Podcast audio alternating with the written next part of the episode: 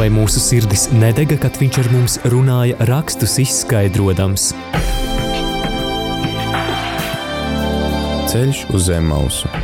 Lauzīsim kopā Dieva vārda maizi, iedziļinoties dažādos bibliskos tematos.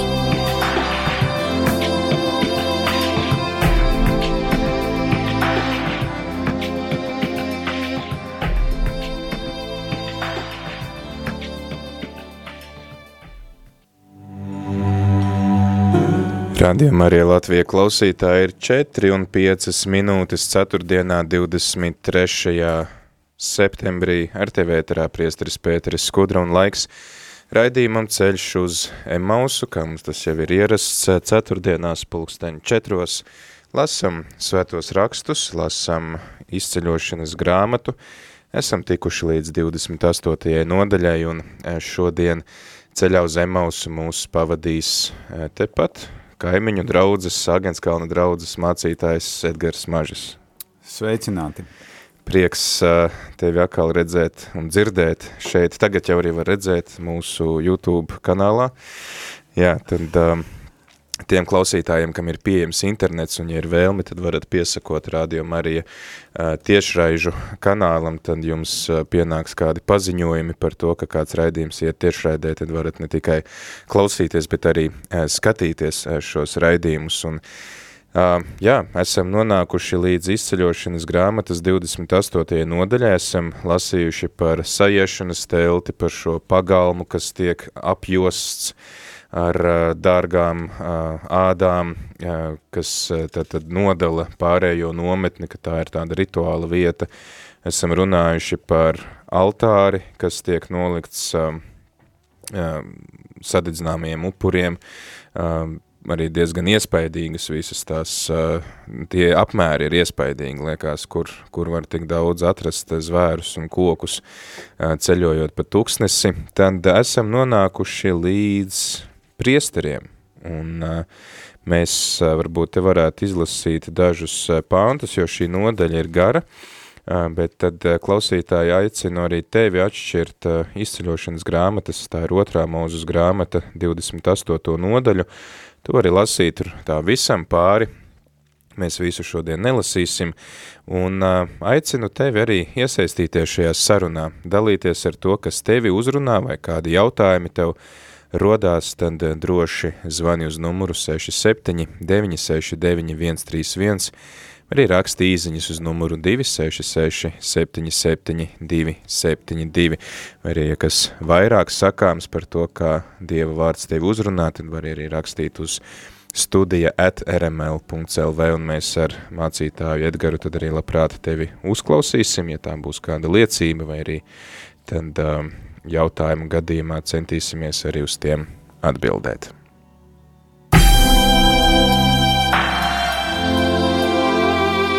Vai mūsu sirdis nedega, kad viņš ar mums runāja rakstus izskaidrojams? Ceļš uz zem mausu. Lauzīsim kopā Dieva vārda maizi, iedziļinoties dažādos bibliskos tematos.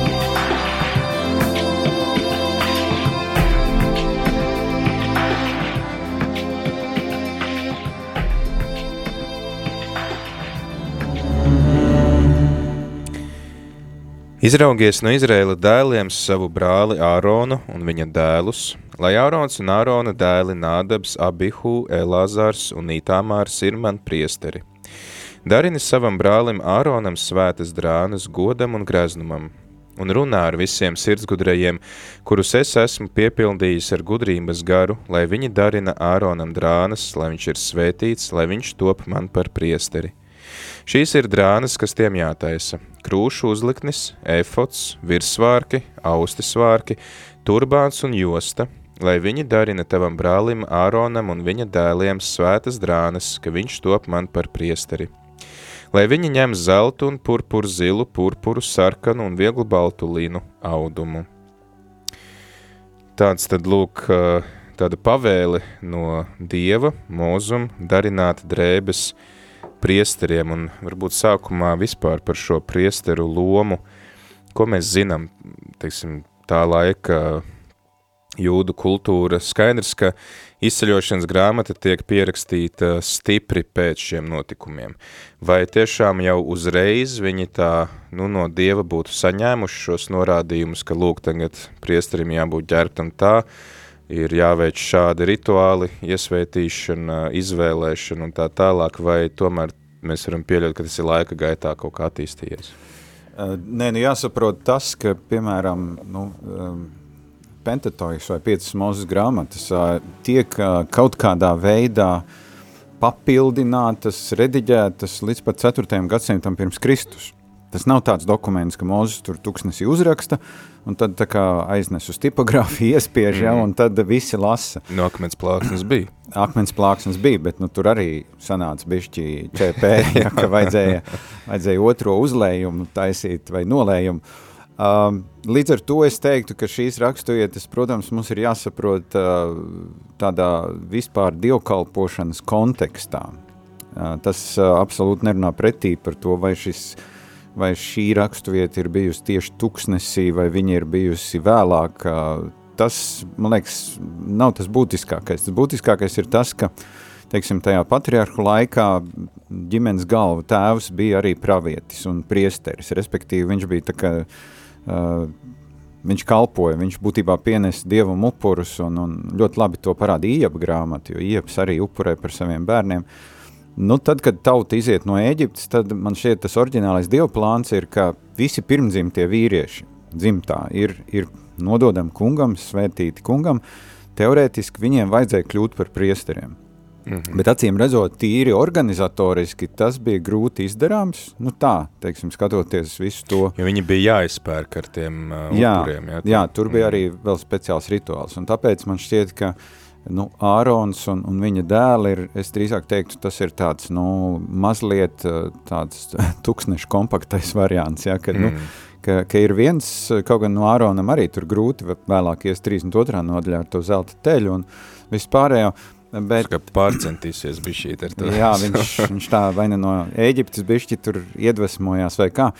Uh, bet, bet tas, ko man šķiet ir svarīgi redzēt, ka tā ir uh, nu, Dieva pavēle, ka, ka šiem, tieši šiem cilvēkiem ir jābūt priesteriem. Ja mums jau ir jāatcerās, ka tagad Mūzus ir tajā kalnā, tauta tur lejā kaut kur mm -hmm. ielējā sēž un gaida, tāpēc arī būs tā 32. nodaļa, ka, saka, jau -hmm. klausies, nu, paigi ilgi jau mēnesis vairāk un, un nav atpakaļ, varbūt jau, ka zin, kā tur būs kādi meža zvēri apēduši. Un, Jā. Un tad Mūzus redz visus šos, nu, šos, šīs norādes, Dievs viņam to visu atgādina, pasaka, mm -hmm. Mēs arī vēlāk lasīsim par to, ka tiek nolasīta visa Levīta cilts, Bet tad kā tas nākās, ka no visiem levītiem, ar ko atšķirās šie levīti un augstie priesteri? Tas tā kā ir cilts tā pati, bet... Nu, redz, augstais priesteris var būt tikai viens mm. gadā, jā, teiksim, kā Jēzus laikā bija. Viņi tur rotēja, jo šeit arī var ļoti labi redzēt, ka Ārons ir augstais priesteris un viņa dēli ir, ir priesteri. Viņiem mm. pat uh, apģērbs ir savādāks. Tur no 40. Mm. panta, tur jau ir tāds vienkāršais variants, jā, tāds kalpotāju uh, Bet no augstam priesterim tā funkcija bija, nu tiešām viņš kalpoja, viņš bija starpnieks starp dievu un tautu, un tāpēc arī visi tie atribūti, kas viņam ir jānes tajā tērpā, parāda to milzīgu atbildību, kas ir uzlikta. Ja, tas nav tā vienkārši, es tur uzvilkšu smukus tērpus, ja, mm.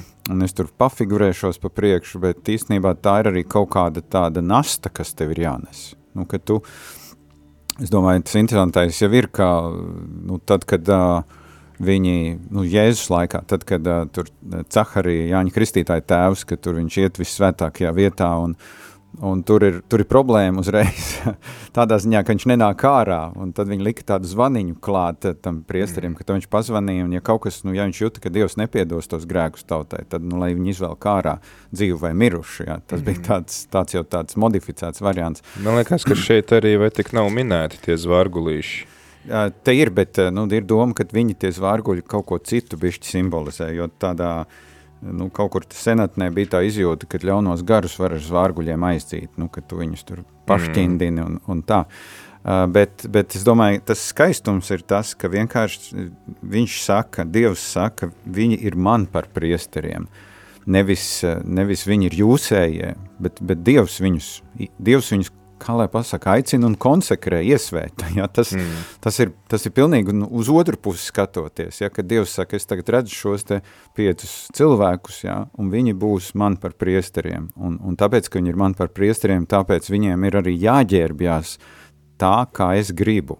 Mm. Tur, tur jāsaprot, ka viss, kas bauslībā ir dots, viss dots caur, caur mūzu no Dieva, ja? kas man liekas, uh, ir forši, ka Dievam viss, pat mazākie sīkumi, pat krāsas ir svarīgas. Ja, mm. tas, mēs bieži uz Dievu skatāmies, ka viņam tur tās lielās lietas, nu, kur nu viņš ar tādiem tur apģērbu gabaliem ņemsies, bet, bet, bet tas tikai parāda to, ka dievkalpošana tiek dota no augšienes. Mm -hmm. Nevis, ka es izvēlos, kā es Dievam kalpošu. Mm -hmm.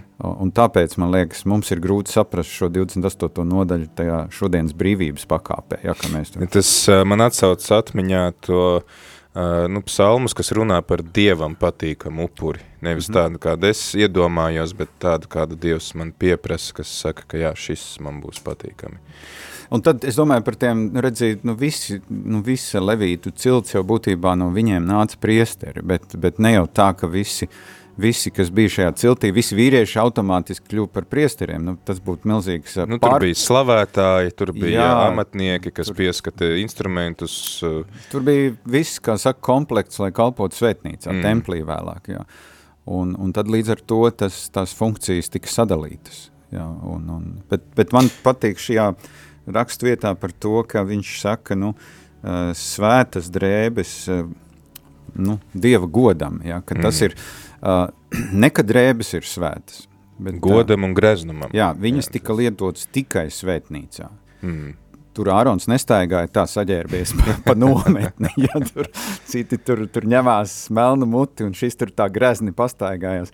Tas bija viens no tādiem tiem 612 baušļiem, kas vēlāk bija, ko Farizē izdomāja, mm. kad, kad tu nedrīkst ar šīm drēbēm nekur iziet, ja tev viss ir jābūt tikai, nu, apmēram, es domāju, tā ir nu, katoļu baznīcā jau jums tāpatās, tu taču nestaigā ar tām liturģiskām drēbēm ikdienā. jā, piemēram, uz darbu. jā, nu, tu brauc tramvajā vienkārši, jā. jā. Nu, jo tās ir ļoti specifiskas, jo būt svētam nozīmē būt nošķirtam. Nu, tad tā ir tā nošķirtības zīme arī tiem priestariem. Mm. Un... Jā, tas ir labs atgādinājums, ka būt svētam nozīmē būt nošķirtam, jo, teiksim, ja šodien Jēzus mums saka, esi svēts, kā debes tēvs ir svēts, ka zināmā mērā tev ir jārēķinās ar to, ka tu arī būsi nošķirts no pārējiem. Pir, pirmie baznīcas tēvi runā par to, ka mēs esam kā pasaulē dzīvojuši, bet ne no pasaules, vai ne? Pasauli lietojam, bet uh, neesam no tās atkarīgi. Uh, Un šie priesteri, jā, tad visa cilts, mēs te vēl runāsim atsevišķi mm pēc tam par šo cilti, kāpēc tā levīta cilts tiek nošķirt, viņiem nav mantojuma, viņi ir tikai pakļauti, ja mēs te arī ar iepriekšējiem mācītājiem pārunājām par to, cik īstenībā, nu, daudz visu to, ap to sajiešanas telti visādu lietu ir, tad, ja tev vēl ir jādomā par savu telti, tur saviem ganāmpulkiem un tā tālāk, tad uh, Tad kurš to nesīs, vai ne? Bet reizē arī viņi ir tik ļoti atkarīgi no tautas. Jā. No tā, ko viņiem atnes. Jā, tā, tā ir arī, es domāju, tā dzīve ticībā, ko, es domāju, nu, droši vien katoļu baznīcā priesteri arī tā diezgan reāli izdzīvo. Mm. Nu, ka tu esi atkarīgs no tā, cik tev draudz atnāk, ko tev viņi atnes, un, un, un varbūt laukos tur atnes vairāk tur olas vai kartupeļus, jā. Ja? Bet, bet, bet viņiem, jā, nu var jau teikt, ka ja jau tauta cītīgi nes upurus, tad jau tur viņi bija tur uzbarojušies, jā, tur, es domāju, ēlis jau ir vēlāk, jau Samuela laikā jau tur tāds, jau tāds, ka viņš tur bišķi tāds uzbriedis ir, un, un dēli arī tādi bišķi aizgājuši pa, nu, mm. nu, nost no visiem tiem bauslības nosacījumiem. Kas tāpat laikā ēļa gadījumā nebija traucēklis būt par labu mentoru Samuēlam, ka viņš palīdz atpazīt Dieva balsi, kaut arī pats varbūt jau ir mazliet tā kā Jā, tā arī ir baigā tēma, jā, vai mentoram ir jābūt kristāli tīram, jā. Jā, vai, vai tev ir jābūt tādam, nezinu, perfekcionistam. Jo arī Ārona gadījumā mēs pēc tam redzēsim, ka Ārons, nu, pakļaujās tautas spiedienam, ka tauta saka, klausies, nu, lej mums kaut kādu dievu, jo mēs te, um, nu, nevaram, nevaram sagaidīt to mūzu, un arī tie dēli, četri dēli, divi, uh, Domāju, ēnu kāda starpība, kādu mēs tur uguni pienesīsim, vai ne? Tad tur mm. paņemsim rekuti no uguns, kur kaut kāds oglis un, un hopā, mm -hmm. nē, Dievs saka, ka... Un pēc tam atkal tas, uh, uh, kurš no tiem dēliem bija, nema, ja nemaldos, Itamārs, ne vai Abihu, kurš uh, tad, kad uh, tautā nāca tas uh, nāvis eņģelis visus tur kāva nost, tad viņš tieši uzņēmās iniciatīvu un, un pienes upuri, kas apturēja mm -hmm. to, to sērgu. Tas tikai parāda to, ka Dievs neizredz ideālos. Vispār jau mhm. tādi ideālie, perfektie jau nemaz nav. Uh, un, uh, un dažreiz varbūt mēs uzliekam priesteriem un mācītājiem ļoti augstus kritērijus. Un, nu, tāpēc, ka mācītāji paši šos kritērijus sludina. Jā, viņi sludina, bet reizē viņi arī kaut kur sevi izslēdz ārā. viņi saka, nu mēs tā, tādi bišķi labāki esam. Bet interesants ir arī tas, tas gudrības gars, kas parādās, kas mm. vecajā derībā ir ļoti interesanti, ka nu, svētais gars vispār ir tikai dažas reizes vecajā derībā, nu, minēts kā svētais mm. gars. Uh, bet uh, gars, kas tiek dots amatniekiem, šuvējiem, vēlāk kogriezējiem, tas ir vienkārši fascinējoši. Ja tad trešā pantā runā ar visiem Jā. sirds gudrajiem, kurus es esmu piepildījis ar gudrības garu. Mm -hmm. Jā, tad pēc tam tur būs pat nosaukti vārdā tie vīri, kas ir piepildīti ar gudrības garu šo visu nu, mākslas darbu, var teikt, veikšanai. Ļoti praktisks, tas gars darbojas ļoti praktiski, es domāju. Ne tā kā, teiksim, mēs, mums liekas, ka, nu, nu, ja tev ir svētais gars, tad tu esi tik garīgs, ka tu tur vienkārši, nezinu, sēdi un meditē visu laiku. Mm. Bet, bet viņiem vajadzēja šo dieva garu, jo viņiem vajadzēja arī precīzi to visu uztaisīt. Tur... Nu jā, jo Mūzus viņiem stāst, es redzēju tā, Mūzus, nu, kā viņš izstāsta tā, protams, man liekas, tas ir līdzīgi kā, teiksim, cilvēki, kuriem vajag kādu mājaslapu, un tad ir tie webdizaineri, kuri vienkārši sēž un domā, ko tu gribi. Kādas bildes mēs tur liksim, jā. bet, bet tas ir, tas kaut kā ziņā, man liekas, parāda to, ka, nu, ka Dieva gars ir vajadzīgs principā jebkurā profesijā, ka mēs bieži vien mm. diferencējam, sakam, nu, zin, Dieva gars tikai baznīcā tur darbojās. Nu, nē, mm. arī tur, kur tu esi ikdienā, tavā darba vietā, ka tu spēji radīt, jo, man liekas, mm. Dievs ir radošs, un šeit arī ir tāds bišķi, tāds radīšanas process. Nu, jā, teiksim, Akvīnas Toms ir sacījis, ka tas, kurš meklē labo, skaisto un patieso, tas patiesībā meklē Dievu, pat ja viņš nav ticīgs, mm -hmm. uh, varbūt tādā tiešā veidā, tad arī tie cilvēki, kas labi cenšas izdarīt savu darbu un kas uh, nu, cenšas mm -hmm. pilnveidot to savu darbu un, un darīt pēc labākās sirdsapziņas, var teikt, ka viņi arī tad ir svētā gara iedvesmoti. Noteikti. Noteikti. Tur mm. varbūt mums par to vairāk ir jārunā, jo dažreiz cilvēkiem ir izjūta, ka viņi var Dievam kalpot tikai baznīcā. Mm. Jā, man pat ir bija, bija gadījums, kad kāds cilvēks, kurš, kurš labi dziedāja, viņš teica, nu es iešu prom no tās vietas, kur es dziedu, jo tā ir pasaule, es mm. gribētu dziedāt tikai baznīcā. Es teicu, nē, mīļais draugs, dziedi tur, kur tu esi, nes jā. liecību tur, kur tu esi. Mm. Jā, arī ar, jā, labi darot savu darbu, tad um, mēs varam būt piepildīti ar svēto garu, mēs arī varam piesaukt svēto garu savu darbu veikšanai, pat varbūt ļoti ikdienišķu darbu veikšanai, bet uh, tie darbi arī tad kļūst kā, kā lūkšana, kā upuris Dievam.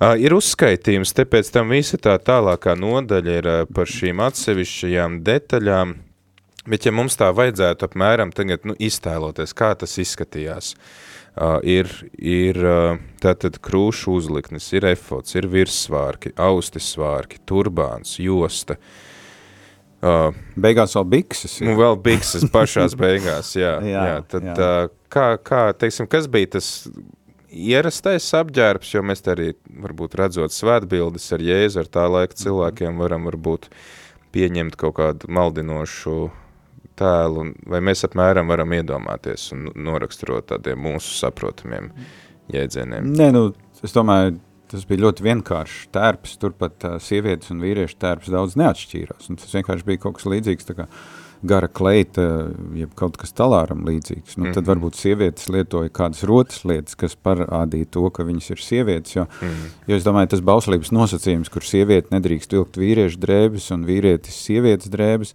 nu, tur jāsaprot, ka tāda milzīga atšķirība starp šīm drēbēm jau nemaz nebija un kad drīzāk varbūt tas bauslības nosacījums runāja par to, ka, nu, ja tu esi sievieti, tad, tad dzīvo kā sievieti, ja tu esi vīrietis, tad dzīvo kā mhm. vīrietis, tad tur, tur nemaini ne drēbes, ne, ne jebko citu, ja. Mm -hmm. Uh, bet nu, šis, šis ir greznais variants, šis, šis tiešām ir skaists variants, un es domāju, ka tur ir uh, tāds milzīgs simbolisms iekšā, uh, arī šīs nu, augstā priestera drēbēs, ja, gan, gan tas, gan tas, ko viņš sevī nes, teiksim, ka viņam ir nu, tie divi dārgakmeņi, kas ir tā kā uz pleciem uzlikti, kur viņam ir jānes Izrēļu bērni, nu, Izrēļu nu, dēlu vārdi, ja? mm -hmm. un tad viņam ir tās, tās bruņas, kas ir priekšā, kur vēl ir, tur ir 12 tie. Tātad, ja mēs iedomājamies, tas ir kaut kāds, nu, līnu vai tāds tā kā, nu, kleita, ne kleita, tāds mm -hmm. kā naktskraklis, tāds garš, jā? Apmēram, jā. Apmēram. Tas būtu tas viņu bijis tas ikdienas apģērbs, ko viņi jā. nesā. Ok. Un tad uh, viņam pa virsu nāk krūšu uzliknis. Kas, kas mm -hmm. tas tāds ir? Te arī pēc nu, tam no 15. panta ir, ir veseli 15 panti, kas skaidro, mm -hmm. kādi akmeņi tur jāliek iekšā. Mm -hmm. un, Nu, sākumā ir efots. Tas efots varētu būt mm. kaut kāds, eh, es teiktu, šodien tas ir katoļu tradīcijā, kas ir tas, ko jūs uzvelkat uz albu virsū, kad jūs kalpojat. Ornāts. Ornāts, jā. jā. Šis mm. būtu ļoti tuvu tam, vismaz Aha. tā, kā es to saprotu, jā. jo viņš ir tāds, tā tāds, kas iet tev pāri kaut kur līdz, nu, varbūt ne līdz ceļiem, bet drīzāk mm. līdz kaut kur vidum, un tad tā krūšu zīme nāk gandrīz tā kā, es teiktu, nu, tā kā mazs vairodziņš, kas tev vēl te ir virsū uz to efodu, Jā, mm -hmm. Tur, tur nāk vēl tie, tie 12 dārgakmeņi, kur ir tās. Jo tam bija jābūt kaut kam ļoti iespējīgam. Liekas, akal, kur to visu uh, tuksnesī atrast. Tepat ir uzskaitīts, kādiem dārgakmeņiem jābūt. Pirmajā rindā rubīns, topās un smaragds. Otrajā rindā granāts, safīrs un nefrīts. Trešajā rindā opāls, ahāts un ametists. Ceturtajā rindā hrizolīts, oniks un berils. Nu, godīgi sakot, es jau pie Rubīna apstājos. Saprast, kas... Nu. Nē, nu zini, viens skaidrojums ir tas, ja tu lasi, ka viņi iziet no Eģiptes, tad viņi tur diezgan daudz arī paņēma no eģiptiešiem dārgu Nu, tie paši meti pakaļ viņiem. Jā, tur, jā. jā tur, tur, kā saka, varēja būt, ka vēl ir kādi krājumi, zini, mm. jo, jo šis... Uh, jāsaprot, ka šis, šis konteksts ir, nu, ja mēs ņemtu, ka šis burtiski tiek rakstīts, tas ir trīs mēneši pēc iziešanas no Eģiptes. Mm. Tas nav šobrīd 39. vai 40. gads. Līdz ar to, nu, tur trīs mēnešos, domāju, viņi pat nepagū, nu, nu, ne, nesa līdzi, tur jau nebija nekāda tur apmaiņas punkti, ja, ka tu varētu tur samainīt pret maizi vai vēl kaut kas. Es drīzāk teiktu, ka tas varēja būt iespējams tā iemesla dēļ, ka tas augstais priesteris jau ir tikai viens – Mm -hmm. un, un, un pa visu to cilvēku nu, daudzumu, kas tur izgāja, tā ka viņi varēja savākt un zelta teļu uztaisīt, es domāju, mm -hmm. šis, šis varēja, nu, bet, bet atkal mums ir jāsaprot, ka tas, šis teksts varēja arī būt mazliet vēlāka laika redakcija. Mm -hmm. jā. Un, un te varbūt uzreiz ir jāsaka tiem klausītājiem, kuriem šķiet, ka nu, ka Bībelē, ka vecajā derībā un, un ir viss burtiski salikts, nu, tā pēc notikumu secības, ja, jo šis ir tas pārāvums, tu pareizi saki, Mūzus ir kalnā, ja, mm. bet te pašā laikā šie visi nosacījumi jau nāk caur Mūzu no Dieva. Ja, tā tad, tad te jau ir tā pirmā, pirmā problēma tekstu lasot, ja, ka mums šķiet, pagā, viņš ir augšā, bet, bet kas tad to tekstu saka, ja, jo, jo šeit sanāk gandrīz tā kā viņš ir, viņš ir lejā nonācis jau, kaut gan viņš patiesībā nav vēl lejā nonācis. Mm. Un, un tāpēc es teiktu, ka man tā secība tik ļoti nu, nešausmina. Ir cilvēki, kas saka, paga, paga, nu, ja nu nav tā, kā viss te ir rakstīts nodaļa par nodaļa. Bet, bet uh, ja tā ir vēlāk redakcija, tas jau visticamāk, ka šāds izskats arī bija tam priesterim, kas bija Jēzus laikā. Jā, jā visticamāk, jā. Tas, tas varēja tā arī būt. Jā. Vai šiem akmeņiem ir kaut kāda nozīme, tie ir vienkārši tajā laikā 12 zināmi vērtīgākie uh, dārgakmeņi, uh, vai viņiem tas klāsts bija plašāk pieejams, bet viņi izvēlās šos 12 vai, vai mums nav es, informācijas Es domāju, ka tur to? mums nav tāda daudz informācijas. Tas tāpat kā, ja tu paskaties atklāsmes grāmatu beigās par jauno Jeruzālēm, kas tiek aprakstīts, tur arī tā izjūta, ka Jānis uh, ir tā kā juvelieru veikalā iegājis, mm. ja tā viņš tur visu, ā, tāds dārgakmens, ok, tad Jeruzālēmē tur tas būs, tas būs, tas mm. būs, jā, nu, nu, smuki tas viss ir, tas ir kaut kāda iespaidīga, jā, Jeruzālēmē, bet, uh, bet es teiktu, ka, nu jā, un redzi, tas tur tam, tam krūšu zīmē, tur tas interesantais, ka, nu, ka tur vēl nāk tas, tas dīvainais uh, lielums, urījums un tumījums, kas, uh, nu, kas vispār ir, ir uh, nu, es teiktu tā, līdz šai dienai, līdz galam neizprotams, lai ko cilvēki pētnieki domātu, ja, nu, viņi saka, tā ir kaut kāda svētā lozes sistēma. Es esmu dzirdējis, tas gan arī bijis tā tādi metamie kauliņi, kas saka, tā, ka mm -hmm. jā vai nē, Nu, tā kā cipars un ģerbons. Jā. jā.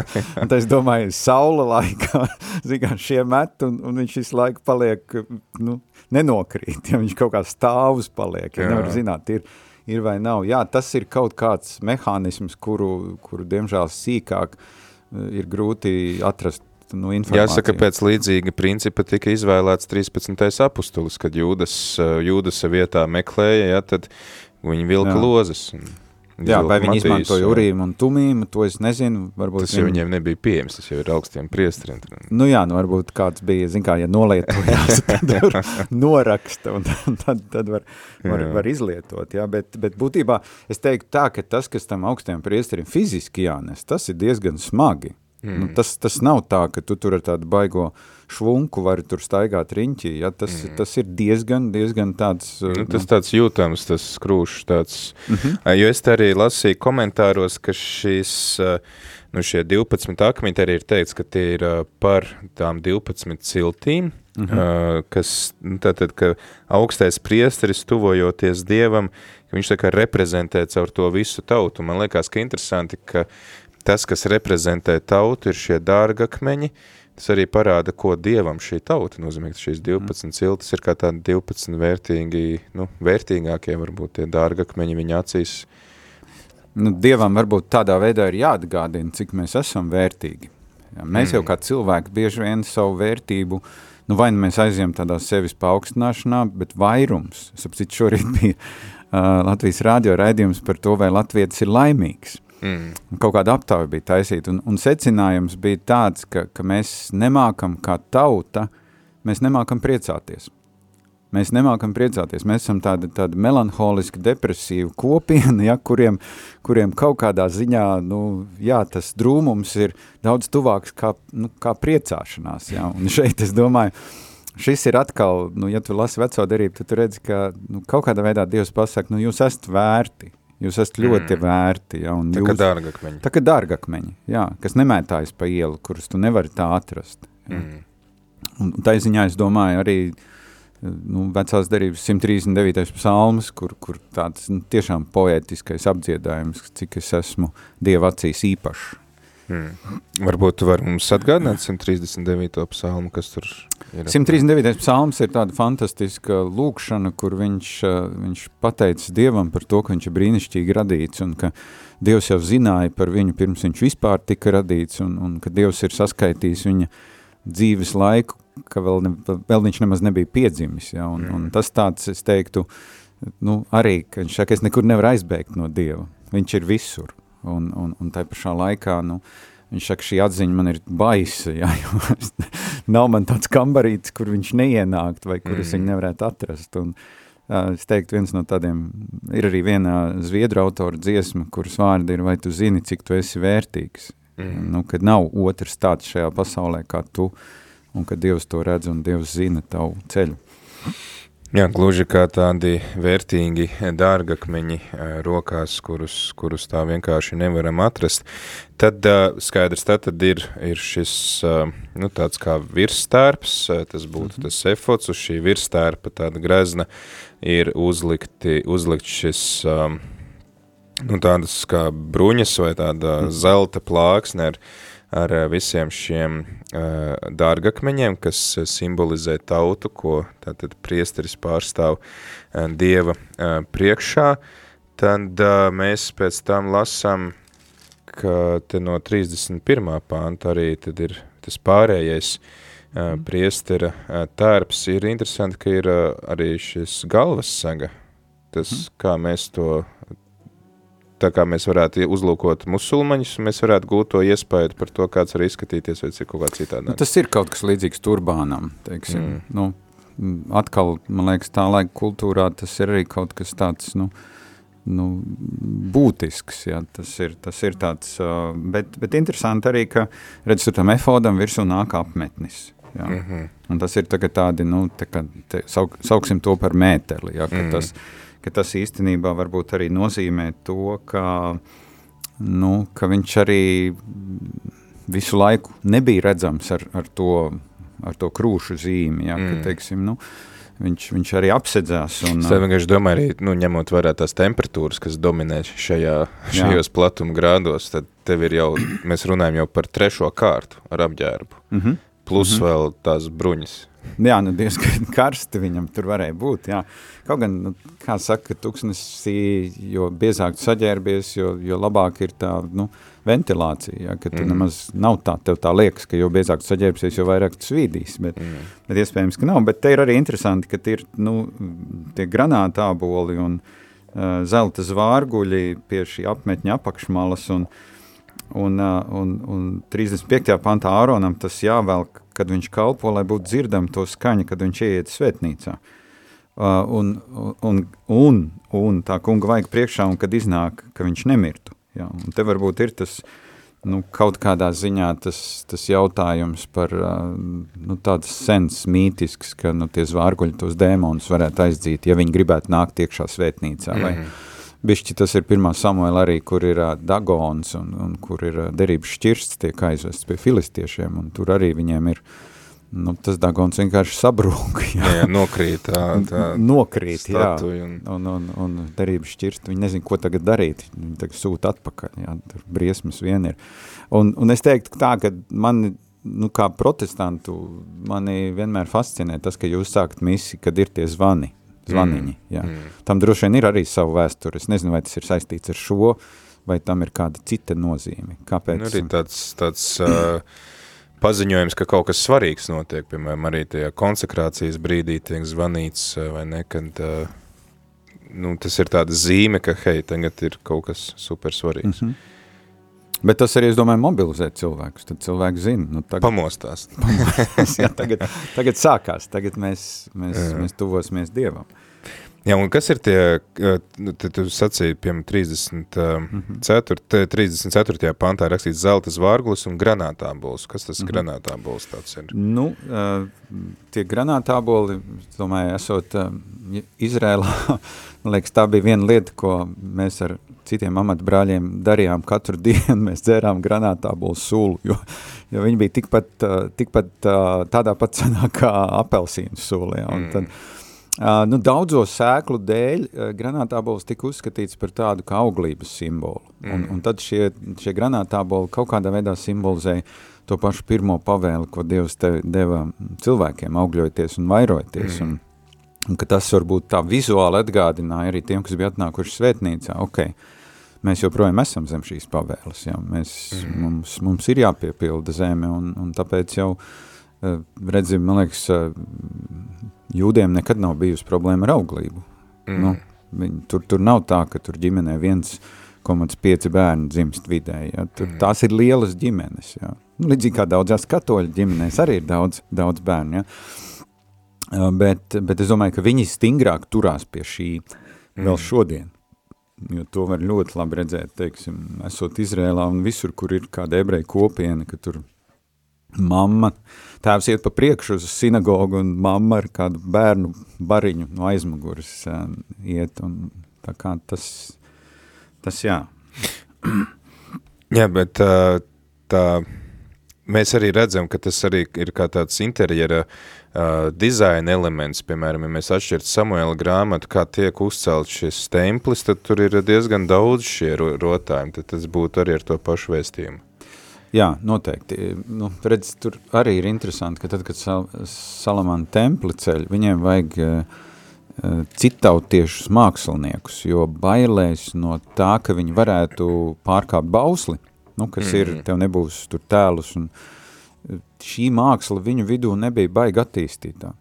Viņi vienkārši nu, tā vairījās. Es jau smējos, es, ka uh, nu, ka tas templis uh, patiesībā bija ļoti līdzīgs kā baptistu baznīca, tāpēc, ka tur, tur nu nebija nekāda svētbilžu, nekas, viss bija tā, nu, kā saka. Bet tie eņģeļi virs uh, derības šķirsta gan nu, jā, mil, bet, milzīgi. Nu, bet derības šķirsts bija iekšā apslēpts, tur tev vajadzēja lielu, lielu fantāziju, lai Te jūs arī esat paslēpuši kaut kur savu statujas, ja? Nē, mēs, nē, mums laikam nav viņas, mēs uh, es jau kādreiz to teicu, ka ja mēs sākumā nesām visu no baznīcas ārā, lai paliek tikai galds priekšā ar krēslu, kur sēž mācītājs un soli, tad tagad jau, es domāju, arī daudzās baptistu baznīcās ir gan altāra vieta, gan krusts, un, un nu, tas, tas ir tā diezgan, es domāju, mēs esam sapratuši, ka ir svarīgi arī kaut kas estētisks vajadzīgs baznīcā.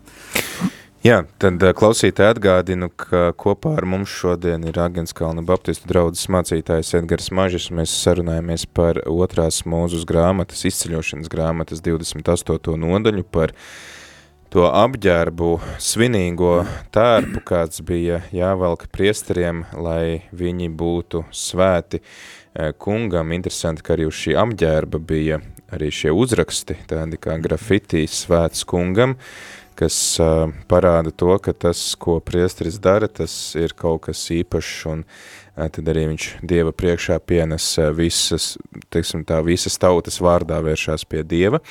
Ir laiks dziesmēm pēc tās, tad uh, noslēgsim šo raidījumu. Klausītāji, joprojām tev ir iespēja padalīties ar to, kā tevi šī rakstu vieta uzrunā, vai arī kādi jautājumi tev rodās, uh, varbūt kādas pārdomas, tad droši var izmantot iespēju un zvanīt uz numuru 67 969 131 vai arī rakstīt īziņas uz numuru 266 77 272. Un dziesma nu, nav gluži par vecās derības priesteri, bet ar nosaukumu priestera dvēseli, kas ir mūsu klausītājiem populāra un mieņa dziesma, kā veltījums visiem priestriem.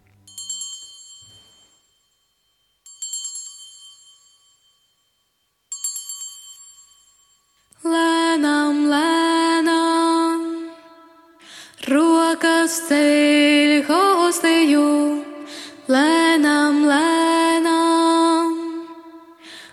pacelts ir biķeris, kungs tur redzi, strādā rokas tavas pasaulē. Par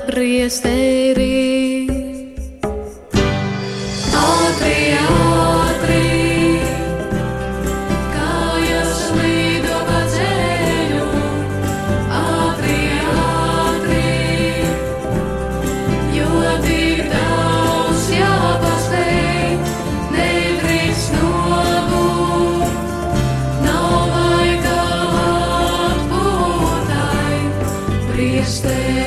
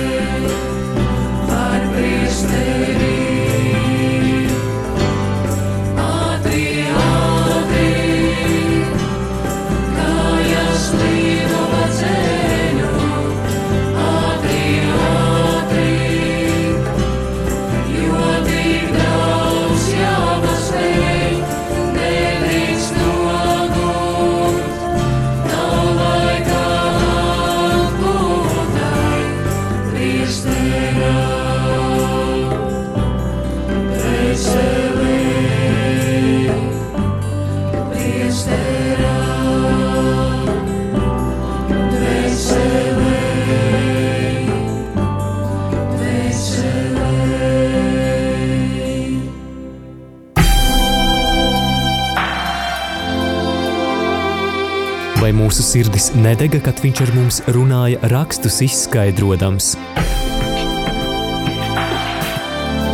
Ceļš uz zem mausu.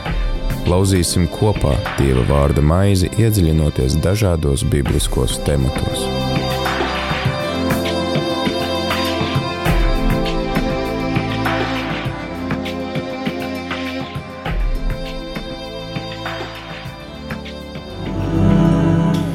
Jā, atgriežamies ēterā raidījumu ceļš uz Zemausu, kopā ar tevi priesteris Pēteris Skudru un kopā ar mums arī baptistu mācītājs Edgars Mažis. Runājam par izceļošanas grāmatas 28. nodaļu. Pagaidām klausītājiem nav nekādu jautājumu un komentāru par šo nodaļu. Cīm redzot, tad vai nu neviens nelasa mums līdzi, vai arī viss ir absolūti skaidrs. Bet, jā, noslēdzās šī nodaļa ar to, ka tiek doti norādījumi arī pārējiem priesteriem, un kas ir arī interesanti par priestera apakšveļu ir runāts. Tas tā liekas, nu, neparasti runājot par to, ka ir svēts nošķirts kungam, vai nu tas nebija tajā laikā nemaz tik ierasts, ka ir apakšveļa, vai, vai Jā, kāpēc tā es domāju, piezīme? ka tas vairāk ir saistīts ar tiešām ar šo liturģisko kalpošanu svētnīcā, jo tas jau parādās 20. nodaļā, pirmkārt, lai kaut kā pavisam nejauši citiem nebūtu iespējams uh, uzlūkot priesteru kailumu. Jā. Jo mēs joprojām atceramies, ka samģērbs ir tāds vaļējs, tā kā garš naktskreklis, kas tur Jā, tur ir. Ja maz... viņš kāpj pa trepēm tagad augšā kaut kur. Jā, nu, kaut ko tur varētu redzēt, bet uh, Bet es domāju, ka šeit arī jāsaprot, ka redzi, nu, visas tās ciltis, kas bija apkārt, teiksim, bāla kults, viss bija saistīts ar tādu ļoti izkropļotu seksualitāti. Mm -hmm. un, un, un tas varēja būt arī viens iemesls, ka, ka šī seksualitāte ebreju kultūrā, ka tā ir tik ļoti diskrēta, ka tā paliek,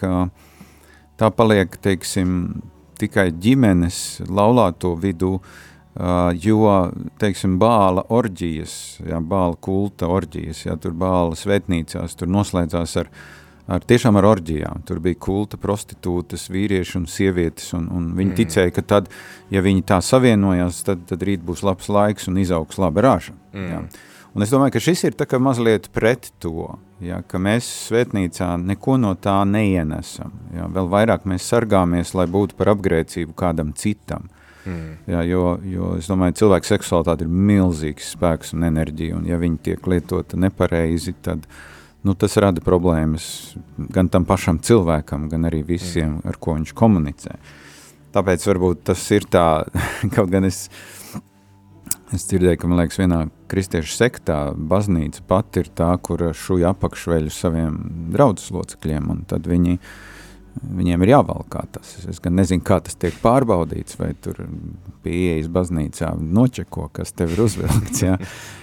bet, bet nu, tas tāds baigais kontrols mehānisms. Bet šeit, šeit es domāju, atkal, kā mēs runājam, šie tērpi, šie tērpi ir svētnīcā lietojami. Mm. Šis, šis ir, viņš arī svētnīcā paliek. Viņš arī, man liekas, ka turpat arī vienā vietā ir, ka tas, tas efods pat, pat stāv arī uh, gandrīz tādā tā kā svētā vietā, un, un, un, un tad mm. viņš tiek uzvilkts tikai tad, kad tu kalpo. Ja, mm. kad tur, jo jo tā, tā izpratne par to nošķirtību un svētumu ir tāda, ka tikko tu ar to efodu iznāks ārā no svētnīcas, viņš kļūst nešķīsts, tāpēc, ka mm. tu esi pārkāpis to svēto telpu, kas ir Nu, nu, tas... Jā, jā, tur ir tā, ka tie priesteri, mēs vēlāk to varēsim lasīt, kad jau ir šis rituāls viss jau iekustināts, viss tā rituālā dzīve, tad tiem priesteriem ir, ir jāizģērbjās, viņiem ir jāmazgājās, tad pēc tam tas ir gandrīz vai tā kā filmās rāda, ka ir kaut kādas tur drūmās karantīnas, tad tur hermētiskas telpas, mm. ja, kur tu vienai caur otru izēji līdz, līdz tu nonāc tur tajā mm. kaut kādā īpašajā vietā. Jo tas tikai parāda arī to, cik, cik nopietni šī dievkalpošana tiek ņemta. Nu, ka tur, tur tu nedrīksti tā vienkārši kaut ko, kā mēs jau runājām, ka tu tādā pašdarbībā kaut ko, iz, kaut ko izdomā neuzģērbt, teiksim, mm. jā. Un tas ir mazliet līdzīgi armijai. Es atceros vienreiz dienot padomju armijā, arī es tur pārģērbos normālās drēbēs, un tad man vajadzēja tagad uzvilkt to formu atpakaļ, iet uz armijas daļu, Un es tagad braucu transportā, un es saprotu, ka kaut kas nav. Un es paskatos, es neesmu jostu uzlicis. Josta man ir palikusi tajā vietā, kur es, un es fiksi braucu atpakaļ, jo es saprotu, ja mani, teiksim, armijas patruļi noķert uz ielas mm. bez jostas, ja, tas skaitītos milzīgs pārkāpums. Ja. Mm. Un šeit, man liekas, kaut kas ļoti līdzīgs, ja tā ir viņu uniforma, teiksim tā, viņiem tajā formā un tajā formā, viņiem arī tur ir jākalpo. Viņi tur graždān kā nevarēja vienkārši iet. Skaidrs ir, uh, jā, tad, kā jau tu arī minēji, ir teikts, ka arī tiem pārējiem priestriem ir tādi vienkāršāki austi, uh, svārki, tātad atkal šis mm -hmm. apģērbs tāds kā garš naktskreklis no uh, balta lina, uh, viņiem ir arī turbāna un josta šiem dēliem, kas tad asistē augstajiem priesterim. Bet, uh, varbūt noslēdzot uh, šo raidījumu, uh, Paldies arī Anitē, kas mums raksta. Paldies par svēto rakstu skaidrojumu. Nesen to lasījām savā bībeles grupā draudzē. Prieks, ka vēl bez rādījuma arī, arī citur lasa svētos rakstus. Kas varbūt ir tas, ko mēs kā 21. gadsimta kristieši varam paņemt no šīs raksturvietas un varbūt arī ieviest savā dzīvē, kas varētu būt tas, uz ko šīs, šī, šī nodaļa mūs aicina? Nu, es teiktu, vispirms skats uz Kristu, kurš ir mūsu augstais priesteris, vēstulē ebrejiem, kurš, kurš nekad, nekad šos tērpus neuzvilka šeit zemes dzīvē. Un tā pašā laikā, tad, kad viņš tika krustā sists, tad viņa drēbes, par viņa drēbēm meta kauliņus. Tā, to, tās nebija sadalāmas, tas bija kaut kas viens vesels. Un, un viņš ir mūsu augstais priesteris, kurš nevis katru gadu iet un upurē par visas tautas grēkiem, bet viņš to ir vienreiz par visām reizēm izdarījis. Mm. Un, Un tad es domāju, tas otrs, otrs, uh, otrs pielietojums varētu būt skatīties uz to, nu, kā mēs šodien uzlūkojam savus vadītājus, kuriem ir uzticēts kalpot. Vienalga dažādu konfesiju baznīcās. Jā. Dažreiz varbūt moderniem cilvēkam liekas, nu, ko tur tie priesteri tur ņemās ar tiem tērpiem. Jā. Mm. Varēja normāli apģērbties tur džinsos un tā tālāk.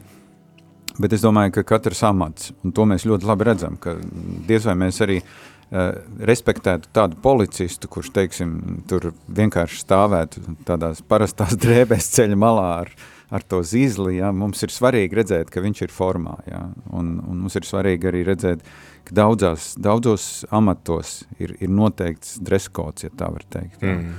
Un tas varbūt liek domāt par to arī, kāds ir mans, mans dreskots vai kāds ir mans ģērbšanās stils, kad es eju uz baznīcu. Mm.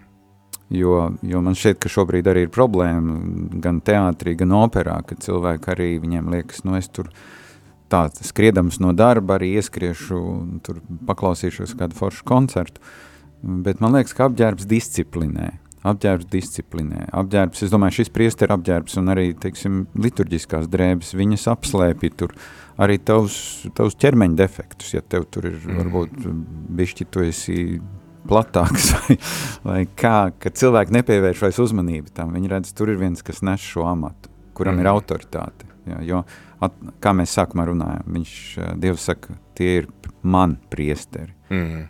Jā, tie ir man priesteri. Un tad, tad es domāju arī tas, kā mēs izturamies un ko mēs sakām par saviem garīgiem vadītājiem, ir arī svarīgi, jo tas gandrīz nozīmē to, ka uh, nu, jaunajā derībā tas ir, tu nepieņem sūdzību, tad divi cilvēki tikai drīkst liecināt kaut ko pret presbiteri vai pret nu, priesteri mm. mācītāju. Man liekas, tas ir tāds bagāts tas teksts. Jā, jā, tas, protams, ir viens tas galība, ka mācītājs tiek tā kā dievišķots, ka lūk, viņš te ir tagad mums bez mazai dieva vietā.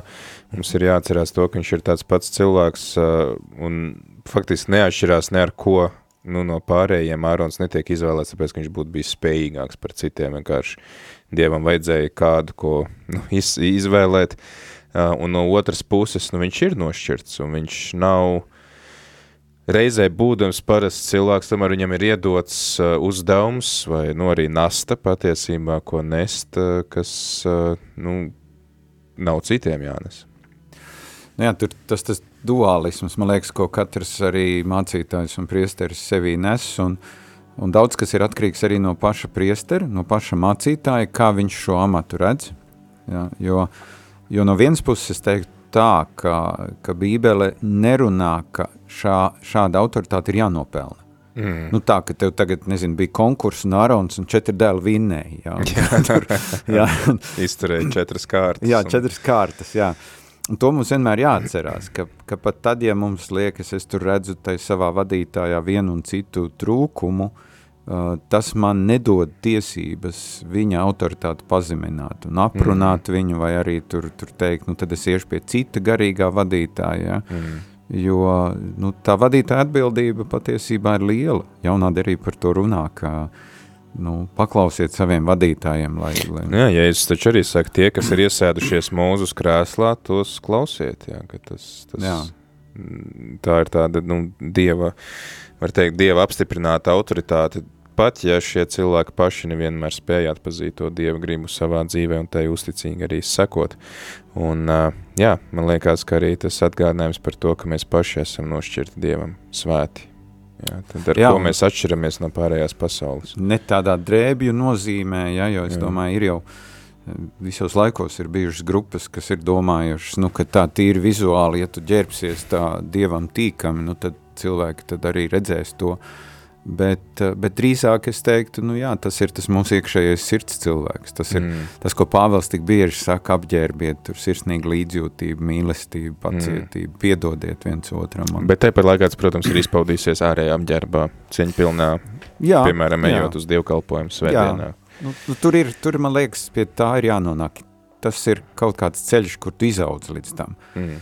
Man šķiet, ka dažreiz mēs nemākam baznīcas, nu, baznīca esot, mēs nemākam tiem, kas nāk iekšā tā vienkārši to izskaidrot, kas tas mm. ir. Ja, jo mēs esam tik ļoti pieraduši pie tā sava svinīgā drēbju mm. kārtas, ja, ja tā reikt, ja. Mēs esam, tad tu arī uzģērb tagad uzvalku, ja, nemaz nepaprasam, vai viņam ir uzvalks vai nav tam cilvēkam. Mm. Ja. Paldies, Edgar, ka tev bija laiks būt kopā ar mums šeit, uh, Radio Marija, un, un skaidrot šo uh, nodaļu, kas uh, šīs nodaļas nav vieglas, viņas gribās tā viegli pāršķirt, bet, bet tur ir arī daudzas lietas, ko mēs varam paņemt un, un, un pēc tam arī atbildēt tām un censties ieviest savā dzīvē.